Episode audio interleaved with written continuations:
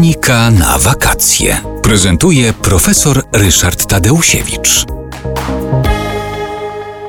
Myślę, że dobrze przypomnieć, że y, Kennedy, wywołując ten wyścig kosmiczny, który zakończył się lądowaniem na Księżycu, y, powołał się na pionierski lot Charlesa Lindberga, y, pierwszego człowieka, który przeleciał Atlantyk, no i właściwie otwarł możliwość powietrznych podróży między Starym i Nowym Kontynentem.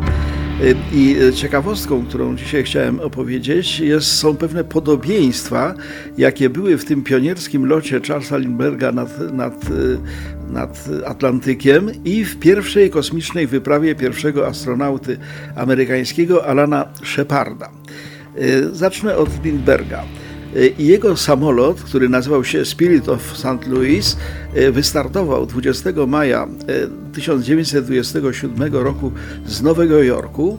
Przeleciał nad Atlantykiem. Ta podróż, ten lot trwał nieprzerwanie 33,5 godziny wylądował w Paryżu, gdzie był entuzjastycznie przyjmowany przez Paryżan. No w ogóle cały świat mu leżał u stóp. Wobec tego odniósł ogromny sukces. E, z kolei Alan Shepard 5 maja 1961 roku wystartował, wyleciał poza atmosferę ziemską, ale to był tak zwany lot suborbitalny. Po 15 minutach i 22 sekundach opadł. E, no, w czym leżało podobieństwo tych dwóch lotów? E, po pierwsze w tym, że obaj piloci praktycznie niewiele widzieli z tego, gdzie lecieli. Spirit of St. Louis Charlesa Lindberga musiał zabrać ogromną ilość paliwa, żeby przelecieć przez Atlantyk.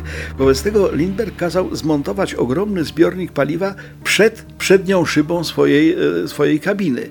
W rezultacie, jak chciał coś popatrzeć do przodu, to musiał się posługiwać peryskopem, bo nie widział nic na wprost. No, zwłaszcza lądowanie w takiej sytuacji było naprawdę wielką sztuką.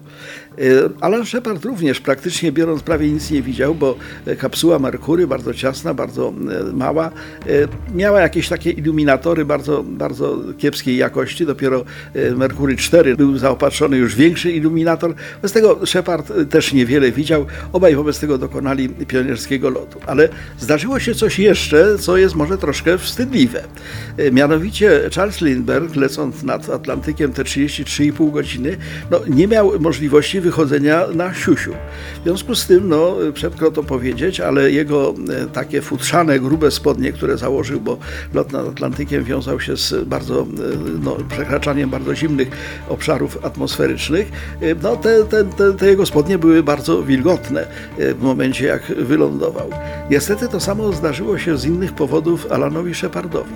Otóż Shepard ubrany w ten swój kombinezon, oblepiony całą masą różnego rodzaju elektrod, które sprawdzały jego stan, stan jego zdrowia, tkwił na wierzchołku rakiety i czekał na start przez ponad 4,5 godziny, bo coś się tam psuło, coś się tam no, nie udawało.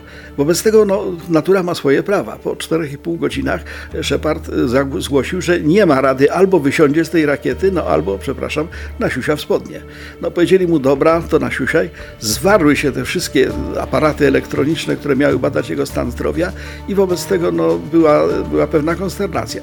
Nie, nie, nie nagłaśnia się tego, bohater jest bohaterem. Tym niemniej y, obaj wspaniali y, zdobywcy, jeden y, kosmosu, a drugi Atlantyku, no, przylecieli na miejsce w mokrych spodniach.